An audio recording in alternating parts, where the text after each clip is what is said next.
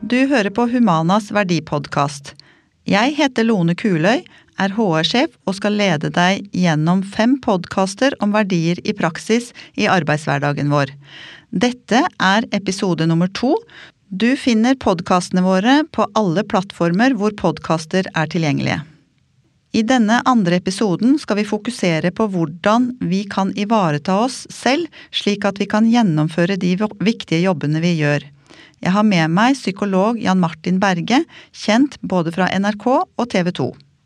Eh, vi snakker jo om eh, hvordan vi skal kunne ivareta oss selv i den jobben vi gjør, eh, og som ofte er alenejobb. Og det første jeg kunne tenke meg å spørre deg om nå, er hvordan kan vi sette grenser for den jobben når noen trenger oss hele tiden? Ja, da har vi gått fra første episode. Det var mye litt sånn hva og kontekst til når det begynner å bli litt krevende, for nå begynner du å spørre om hvordan. Mm. Hvordan gjør vi dette? Ja, og Det er kjempespennende og ganske krevende. For Én ting er å si det, men en annen ting er hva kan vi faktisk gjøre? Hvordan kan vi ta vare på oss sjøl? Hvordan tar vi vare på hjelperen? Og Det kjedelige svaret først, men som også er viktig, det er at jeg gjentar meg selv litt, for at det er så viktig at det er gode eh, At arbeidet er organisert på en måte som gjør at mennesker kan ha helse, og det er helsefremmende arbeidsmiljø. Så det er viktig å huske på konteksten her. Mm. Altså Naboen min de har, la oss si de har et barn da, som oppfører seg helt crazy, og så tar jeg inn den, det barnet sju år i terapi hos meg, psykolog Berge, helt privat. Hvorfor er det feil terapi å ta inn sjuåringen til meg? Jo, for jeg glemmer jo konteksten. Det er jo foreldrene som er crazy. Satt på spissen. Men skjønner, vi må huske på konteksten når vi snakker om disse arbeiderne. for I utgangspunktet så er de helt friske og fine, men de kan bli satt i situasjoner. La oss si at naboene våre er midt i skilsmisse og det er et forferdelig bråk. Det er ikke rart at barnet oppfører seg rart. Litt sånn tankegang har jeg også i forhold til jobb, at vi må vite at betingelsene skal være i orden, og det vet jeg er viktig i Humana. Så la oss si at vet du hva, vi har strukturer her, det skal mye på plass, og vi jobber med det her. Og så blir det sånn, men da i det så har vi som, vi som er ansatt, da, vi har muligheten til å, å, kunne utøve selvomsorg. Selv om man er i yrker der vi prøver å hjelpe andre. Mm. For noen, da, hos dere, nå tipper jeg, så vil det her koke ned til én ting. Det å øve seg på å sette noen grenser for seg selv. Mm. Hvor lett er det for deg å si nei? Du som har mye samvittighet, du som aldri har sagt nei i ditt liv. Du som vet at disse familiene trenger deg. Mm. Du som vet at hvis jeg sier nei nå i helga her, så kan det være at det kan være noe som skjer. Det er jo ikke lett i praksis, det. Nei, det er jo ikke kjenner deg litt sånn, ja. Jeg kjenner jo ikke deg så godt, men jeg vil bare tippe at du, du nikker, for veldig anerkjennende. Ja, jeg kjenner, kjenner, meg både godt igjen, og, og, jeg tenker også at uh, veldig mange av våre medarbeidere der ute også tenker det samme. Uh, er akkurat det. De kommer jo veldig tett på uh, brukerne også, ikke sant. Både Eh, det er jo både barn og, og unge, og mm. det er eh, andre ja. som, som, trenger hjelp hele tiden. Og da er det ikke bare lett å si sånn ja, men jeg, jeg velger, det er bare jobben min, og jeg bare kobler meg av. Det er ikke så enkelt å bare si det. Når, så, så, jeg tror man aktivt må gå inn for å øve seg litt på det.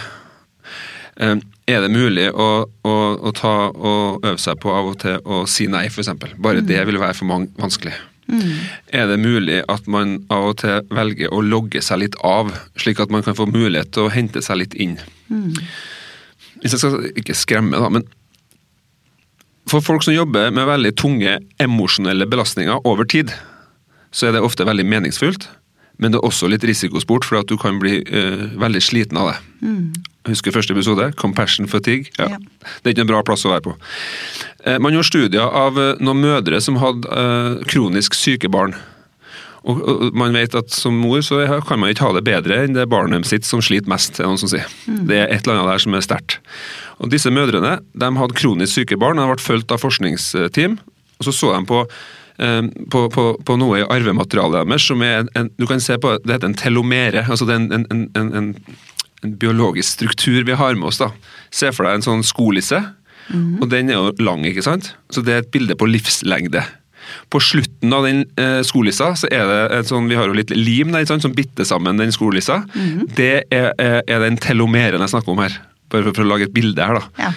Så så de at disse mødrene som hadde ansvar for kronisk syke barn, de målte eh, den telomeren der, som er bildet på livslengde, så var den i snitt, når disse damene var 40-45 år, de var i snitt ti år eh, kortere. Altså, De hadde for, forkorta sitt liv med i snitt ti år. Ja. Fordi de har gitt omsorg til kronisk syke barn. Ikke sant? Jeg er ikke sånn superfornøyd med fortellinga her, men jeg håper at du skjønner at jeg prøver å si noe om at dem som setter seg sjøl til side, og alltid er i andres tjeneste, de kan faktisk, hvis de ikke sørger for å ha litt bra sjøl, de kan være med på å forkorte livet sitt. Ja, For det her blir sett på som kronisk stress.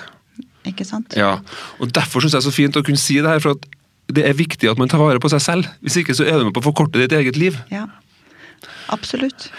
Men har, har du noen konkrete tips da, til hvordan kan man faktisk sette de her grensene? Altså, jeg som syns det er vanskelig å si nei, hvordan kan jeg faktisk øve meg? Mm. Hvem skal jeg øve på? Ja. Er det noen tips til at jeg kan gjøre det andre steder enn på jobb først, eller eh, ja, hvordan Ja, Kjempefint at du spør, for det tror jeg mange av oss jeg sitter jo litt i glasshørs sjøl her, da. Har liksom dedikert livet mitt til å prøve å hjelpe andre mennesker. Ikke sant? Ja. ja. Selv om man jobber selvstendig, vit at man ikke er alene. Jeg tror kanskje noe av det viktigste take home-beskjeden som jeg håper folk tar med seg fra disse episodene her, det fins andre der som du kan snakke med om hvordan du har det. ja. Demand support. Altså, skal du lykkes i å jobbe Humana over lang tid, ha noen du kan snakke med. Fins det noe kollegastøtte, fins det noen veiledningsgrupper? Får du lov til å gå på noen kurs innimellom så du kan lære litt, for du må ha noen måter å forstå ting på? Så det å, ja, kan jobbe selvstendig, men vite at man ikke er alene. Det kan være med på å beskytte rett og slett hjerte-karsystemet ditt. Og så sa vi at ja, øve seg på å si nei, men det er for noen det gjelder. Men kollegastøtte tror jeg gjelder for mange av oss, at vi trenger å føle at vi ikke jobber eh, bare selvstendig. Så tror jeg noen eh, gjør tjent med at de øver seg på å skille rolle og person. Jeg tror at dem som blir sliten på den negative måten av den jobben her, dem tror jeg tar alt inn, følelsesmessig. Og det vet dere som har jobba noen år, eh, det, kan, det gjør noe skikkelig med oss. Og vi kan bli, det kan bli tomt i tanken vår. Og Det er jo derfor det er så fantastisk og, at den jobben dere gjør, men det er derfor jeg tenker man må prøve å øve seg på å skille den, den du er på jobb, som rollen din, og det som du er i din person. Og Det er kjempevanskelig, men jeg tror man må prøve å øve seg på det. For det hadde ikke jeg klart det som klinisk psykolog, så tror jeg at jeg har vært en sånn søppelkasse som har blitt fylt opp, og så til slutt så har det ikke vært noe igjen av meg. Skjønte du? Jeg, Jeg, jeg skjønner, og jeg sitter og tenker på, på min egen uh, yrkes, Uh, eh, yrkeskarriere. Okay. Og fra Jeg er utdanna sykepleier, Ja. eh, og i starten når jeg jobba eh, der ute med pasienter, Ja. eh, så var det veldig fort gjort å ta med seg den pasienten hjem. Jobba med unge, kreftsyke Ja. pasienter. Ingen meninger, så det er jo, det er jo så fælt. Og så tenker jeg at hos oss nå også så er det jo mange aldersgrupper av våre medarbeidere. Eh, og er du yngre og kanskje ikke vært ute for så veldig mye, så er det også eh, viktig eh, Et viktig tema, da, tenker jeg, å skulle hjelpe Hjelpe ansatte til å klare å liksom legge jobben ifra seg Ja. på jobb, Ja. og ikke ta det med seg hjem. Så Men- viktig, Ja, og så vanskelig. og så vanskelig, ja. Ja. Men, men som leder, da, hvilket, eh, hvilken rolle har jeg som leder i det her? Og hva kan jeg bidra med inn Ja. eh, i sånne situasjoner? Og den holdninga som en, du er leder som har en sånn holdning, som lurer på hva du kan gjøre, det er jo en nydelig holdning. Jeg håper alle ledere har litt sånn holdning. For du får ikke altså, Satt på spissen, du får ikke gjort så mye med den verden man lever i. Det kommer til å være tøffe ting der. Og Det er jo litt av det dere prøver å bidra med, og prøver å gjøre en forskjell for kunder og for, for, for folk. Så, så mange ting her, som f.eks. folk som har vært igjennom eller står i traumer? Det, er jo, det kommer til å være der. Men en god leder er tilgjengelig. Hvordan kan jeg hjelpe deg? Altså coache medarbeideren litt. Og der vil, eh, Hvis du er leder for ti stykker, så vil du ha ti stykker som legger litt ulikt i hva de trenger. Slik at når jeg sier coaching, så handler det om å prøve å, ha den holdningen hva kan jeg bistå med, hvordan kan jeg hjelpe deg? Eh, og ikke minst det med forventningsavklaring. Du, nå har nå du jobba med den familien her i to måneder. Hva trenger du av meg her? Det vil være en holdning fra en, fra en leder. Bare å tørre å spørre om det. Ja. Så forventningsavklaring, eh, tør å tilby eh, eh, litt sånn støtte. Jeg tror ikke ansatte for, forventer at du skal fikse det for dem, men jeg tror gode ledere gjør en forskjell ved at de tør å stå sammen med de ansatte i driten. da. Det var stygt sagt, da, men skjønner du hva jeg mener? Jeg Stå sammen veldig i det vanskelige. Ja, og jeg tror du har et veldig viktig poeng eh, i det. Tør å stå der. Ja. Være der sammen. Det her var ille, vet du hva. Jeg syns det er ille, og vi står her sammen. Ja.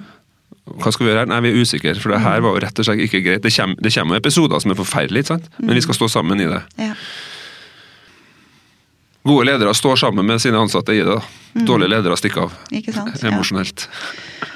Men eh, ofte så, så trenger vi jo noen eh, rollemodeller eh, i, eh, i det arbeidet vi gjør. Eh, og hva betyr det å være en god rollemodell? En god rollemodell er jo en som eh, jeg kan se til, og så tenker jeg sånn Shit, der er ei som får det til. Eller der er ei som eh, er dyktig i jobben sin. Eller der er det noen som jeg tenker, som jeg ser litt opp til. Mm. Og ja, jeg har hatt flere rollemodeller i mitt fag som jeg tenker sånn en, en leder jeg hadde Jeg vet ikke hvordan han gjorde det, men følte, han, han så nå alle sammen. han. Men han gikk jo aldri i dybden. sånn jeg tenker i ettertid, så Han var jo ikke noen terapeut for alle sammen. Men han var sånn veldig god til å gi alle sammen anerkjennelse for dem de var. Og så følte jeg alltid at uansett når jeg spurte om ting, så var han tilgjengelig. Det var ikke dermed sagt at jeg, ikke, at jeg tenkte å spørre ham hele tida. Så har jeg hatt noen sånne rollemodeller når jeg jobba i, i psykiatrien. og da er det sånn, Jeg husker jo Randi, sosionom, som sa til meg at du vet, Martin, har ikke jeg hatt kollegaer? Jeg sa at jeg aldri overlevd dette yrket her. Ikke sant? Jeg husker kontoret hennes så helt bomba ut. Hun var helt, og hun var sånn Ja, jeg tror ja, Gikk sikkert på kunst, eh, kunstmuseum og drakk sikkert mye vin. Og var helt, Alle pasientene elska ikke sant? Hun var bare sånn ja. romma alt. Bare tålte alt, og alt er greit. og Fantastisk dame. Men hun sa til meg har ikke vært for dere, så jeg aldri kunne overlevd her. Det husker jeg resten av livet. Hun er en helt nydelig dame. Ja. Hun er en rollemodell. Sosionom. Jeg er jo lenger utdanna enn hun har spesialkompetanse, men hun var en rollemodell for meg. Ja. Så man kan være det for hverandre, uavhengig av tittel. Ja. Ja. Men det er vel også ganske viktig at eh, den lederen som er ansvarlig, også eh, fremstår som en rollemodell. Og vi trenger jo alle å bli sett Ja. eh, for det arbeidet vi gjør også. Så viktig. Og det har ingenting med kjønn, alder, ansiennitet å gjøre. Nei. Nei. Så så enkelt og fundamentalt, men ikke enkelt i praksis, viser det seg. Og jeg tror noen ledere hvis jeg, nå kan jeg kaste inn men jeg tror noen, jeg tror noen ledere glemmer eller sånn, De undervurderer litt. Mm. Ja, det tror jeg du har rett i. Um, Og Det er ikke så mye alle trenger, men alle trenger noe. ja. ja. Og det handler ikke om å gå inn og løse saken for folk. Nei. Nei. Og så tror jeg også det er viktig det her med forventninger, som du nevnte i stad. Uh, og få avklart det, og at man også uh, Ja, det her altså bli sett. Jeg tror det er kjempeviktig. Eh, Ja. Og studiet på sykefravær i Norge viser seg at den største sykefraværsårsaken i Norge, det er rollestress. Uforenlige krav til meg. Har du litt avklart med lederen din hva som forventes av meg når jeg skal jobbe med familien her, altså rolleavklaring der, og i tillegg litt støtte, og så trenger du noe fra meg, så er jeg her, så viser det seg at- medarbeideren tåler mer krav. krav. Og når jeg har lederutvikling, så gir dem litt sånn challenge. Du, til neste gang kunne du spurt de ansatte hva, hva, hva trenger du av meg her. Så kjenner de tilbake. og jeg har spurt om det. Og jeg merker at de føler seg sett. Og jeg merker at jeg som leder får bedre tid. For nå kommer ikke de og spør. De, de vet at jeg er her. Så det er ikke sikkert det trengs så mye til, men det er noe med å være litt sånn hands on. ja. Mm. Så, Ja. Avklare forventninger, og Ja. det å gi ansvar òg, ja. tror jeg er en Og hvis vi skal flippe, snakke litt om den ansatte, så har den ansatte ansvar for også å tørre å si noe om hva som er greit og ikke greit. Hva er det, ja, vi, du må ut og holde kurs for alle humaner. Humana. Og så sier den ansatte ja, selvfølgelig, mens inni seg tenker han det, jeg vil ikke stå og holde kurs. Nei. Altså 12% i Norge har jo sosial angst, vil aldri stå og holde kurs. Da må den ansatte tørre å si noe om at jeg jobber gjerne, men jeg har ikke lyst til å ha ansvar for kurs. Tør å si det, da. Det, er ansvaret, litt- det ligger litt til sånne ansatte, altså. Ja. Og da kommer vi jo også inn på det her med tillit, da. Ja, Det vil jo være en viktig Mm. eh, del av det arbeidet her. absolutt. Eh, For skal jeg tørre å si at Ja. eh, det her kan jeg ikke, eller det her vil jeg ikke, så må den tilliten være der. Vi kan avslutte på litt sånn svulstig måte her nå, men det er litt fint òg. For at det vi snakker om, er tillit, og det skrives likt begge veier. Men så sier jeg til lederne at men du er nødt til å starte med å ha tillit. Hvis ikke så får du det tøft i ledergjerningen. Men hvis vi ser på dem som jobber i team, da, sånne superteam. Mhm. Det viser seg at de kjennetegnes ved at de har det vi kaller psykologisk trygghet. Og psykologisk trygghet handler egentlig om, hvis jeg hadde jobba i Humana, at jeg som psykologspesialist og mannlig med erfaring, så, så kan jeg jobbe her og tillate noen, at jeg har sagt feil, f.eks. Det vil jo være litt sånn å vise sårbarhet. Eller ta noen sjanser i, i jobb med familier som jeg er ikke helt sikker på hva jeg gjør nå, men jeg velger å gjøre det her. Det vil også vise litt sånn sårbarhet. Og hvis jeg skal vise sårbarhet som ansatt i Humana, og det blir jo som å kle av seg, eh, jo, da må rommet være varmt nok. Sagt på en litt sånn svulstig måte, skjønner du. Og der tenker jeg det er det vi prøver å skape. At de ansatte skaper varme rom. da. Ja. Selv om man kanskje jobber mye hver for seg. Så det å ta imot hverandre, at rommet er varmt nok når folk tar av seg, det er jo nydelig når man klarer det. Ja. Og det er jo mange som jobber tett på hverandre også, sånn at Det eh, det er jo flere som eh, også har et større team å forholde seg til. Så det er jo ikke bare alenearbeid, men, eh, ja, men det var en fin, fin beskrivelse, det.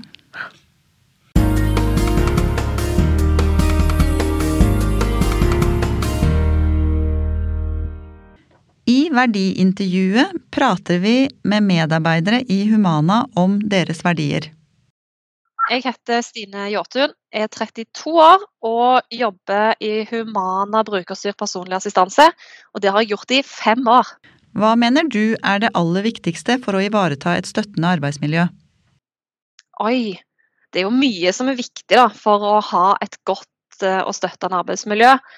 Men jeg tenker jo at det å ha en god leder og trygg ledelse som går foran med et godt eksempel for å skape den åpenheten og den, det støttende miljøet, er jo kjempeviktig.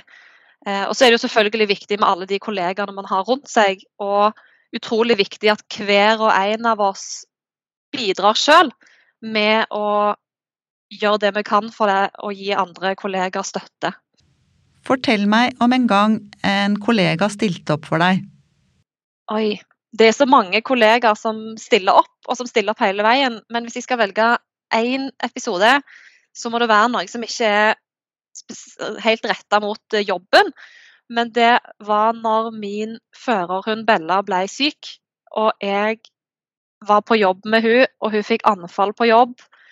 Og jeg skjønte mens jeg var der at jeg var nødt til å dra til veterinæren for å avlive henne den dagen.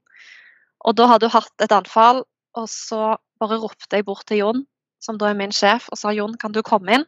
Og han kommer inn i døra, og så sier han bare nei, har hun hatt ett til? Og jeg nikker, og han bare setter seg ned på gulvet og gir meg en stor omfavnelse og klem, og bare sitter der og sitter ved siden av meg. Og det kjenner jeg på fortsatt i dag, at det var så godt og det var så viktig for meg å få den, den støtten, eh, og den emosjonelle støtten akkurat da. Og der, eh, der var han helt eh, strålende. Hva gjør du for å motivere deg? Oi, for å motivere meg sjøl! Åh, det er jo mye.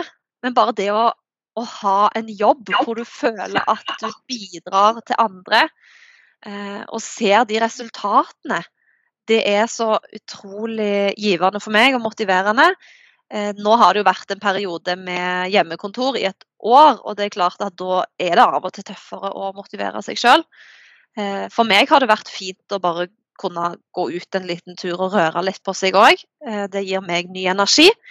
I tillegg så er det det å plukke opp telefonen og ringe til en kollega eh, og bare slå av en liten prat. Eh, I tillegg så har jo jeg altså noen av de aller beste BPA-kundene som finnes i hele verden. Som når jeg ringer til de, så blir jeg møtt av bare en fantastisk positivitet. Og får høre at jeg er verdens beste BPA-rådgiver. eh, Og at de ikke kunne tenke seg å ha noen andre enn meg. Og det er jo klart at det er veldig hyggelig når du kan ringe til en kunde som, som er så positiv og som gir så mye energi. Og det motiverer meg. Nå skal jeg komme med en påstand. Hos oss er arbeidsmiljøet åpent og hjertelig. Hva tenker du om det? Det tenker jeg, for min del i hvert fall, er helt eh, rett. Jeg har jo jobba her i fem år, og jeg husker at jeg ble møtt på en utrolig fin måte. Folk var så åpne, de var så interessert i meg. Vi hadde det så mye gøy, og det har vi hatt i alle de fem årene eh, hvor jeg har jobba her. Og syns at vi har tatt imot nye kolleger på en god måte. Og har klart å skape en kultur hvor vi er opptatt av nettopp det. At folk skal føle seg velkomne. og og rett og slett ha den åpenheten hvor vi sitter og prater om løst og fast, hvor vi kan eh, fortelle de andre kollegaene våre òg hvis vi har en litt tøff periode, så er det helt, helt greit. Og da får du støtte fra kollegaene dine på det. Eh, så det føler jeg absolutt at vi har klart å få til i Humana.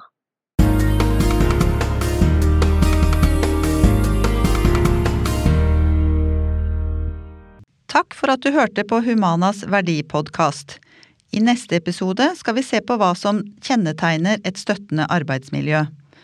Har du spørsmål, ta gjerne kontakt med oss via sosiale medier. Vi er på de aller fleste, eller via våre hjemmesider humananorge.no. Jeg, Lone Kuløy, takker for meg. Produsent for sendingen var Hans Henrik Sørensen.